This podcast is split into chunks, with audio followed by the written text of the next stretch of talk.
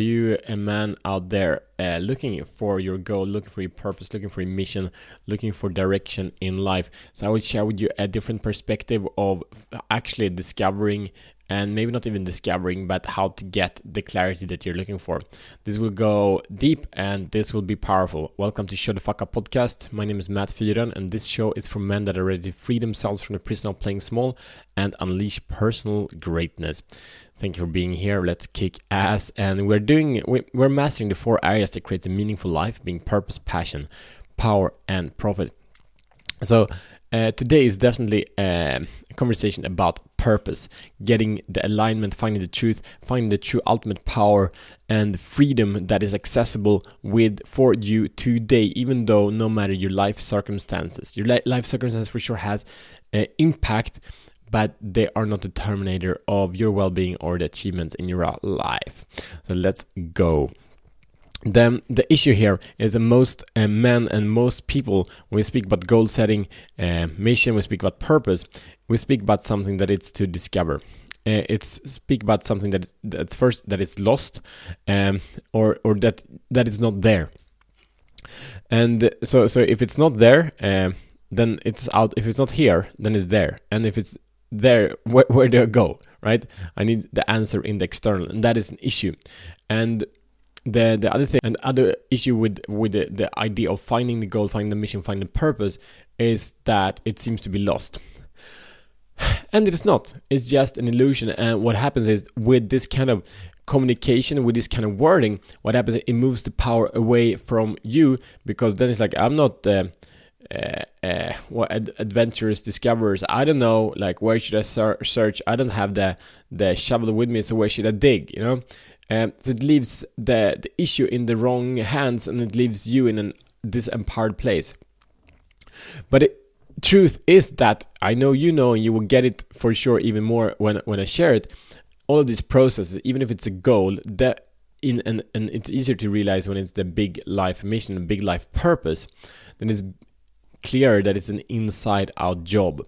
So the claim is the truth is that I experience in the conversation I have with powerful men that living the life they want uh, when I experience my own life, there is nothing that is hidden. It's already there. It's already been there goals and mission it's nothing that we create from the outside. It's something that we source from the truth that we are. It's something that we the way we see the world the way we see ourselves the way we see others in that way in the uniqueness in the perspective in the frame in the lens that we have on the world. Our goals and our mission is already there. Very few how men however um, has the ability uh, to to kind of uncover that.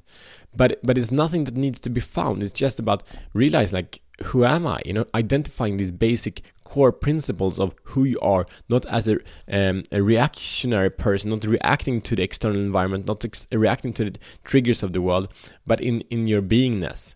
And of course, you can also do that in, in, in the sense of reactions to the world, like when when threat happens to you, when bad news happens to you, whatever. Like, who are you? What kind of man are you? What values does that show? And if you go down to that core, all these things are there. So they're not lost, they're right in you. You're living your your mission every day. Um, the issue is if it's not clear, if it's not verbalized, if it's not specific, then we can easily get an experience of disalignment and we can also be in the shadows of our mission. And the same thing with our goals. Like someone says, okay, I want want to build that house, I want to build that business, I want a million dollars, I want a woman.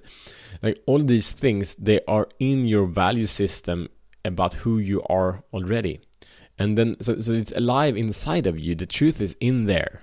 We just need to pick it up and to check in on it, and then we need to create it in the real world. So the invitation here is really that the re- realize that all the power, all the clarity, all the insight is already within you. You are no more than you know if it's journaling, it's if it's a walkabout, if it's a coaching session, or maybe it's a bunch, maybe it's a year where you focus on these things of getting to know who am I, what is the truth that is within me. Like that's it, you know. What is my freaking truth? Who am I? Dive deep into those perspectives and you can stop searching. You can stop searching. And then we come to another hook, another challenge, and that is But wait, who am I if I'm not searching? That is an identity to be on the lookout for both the solution and the problem. It's a freaking comfortable thing because when we are on the lookout, we don't need to take action.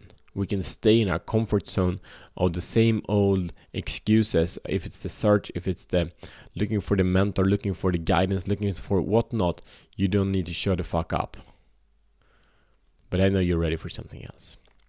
So your mission, should choose to accept it, is to start asking yourself the questions of who am I? What does my actions, what does my feelings, thoughts, focus uh, tell about me? What are the things that have been keeping coming up in my life from the beginning until now?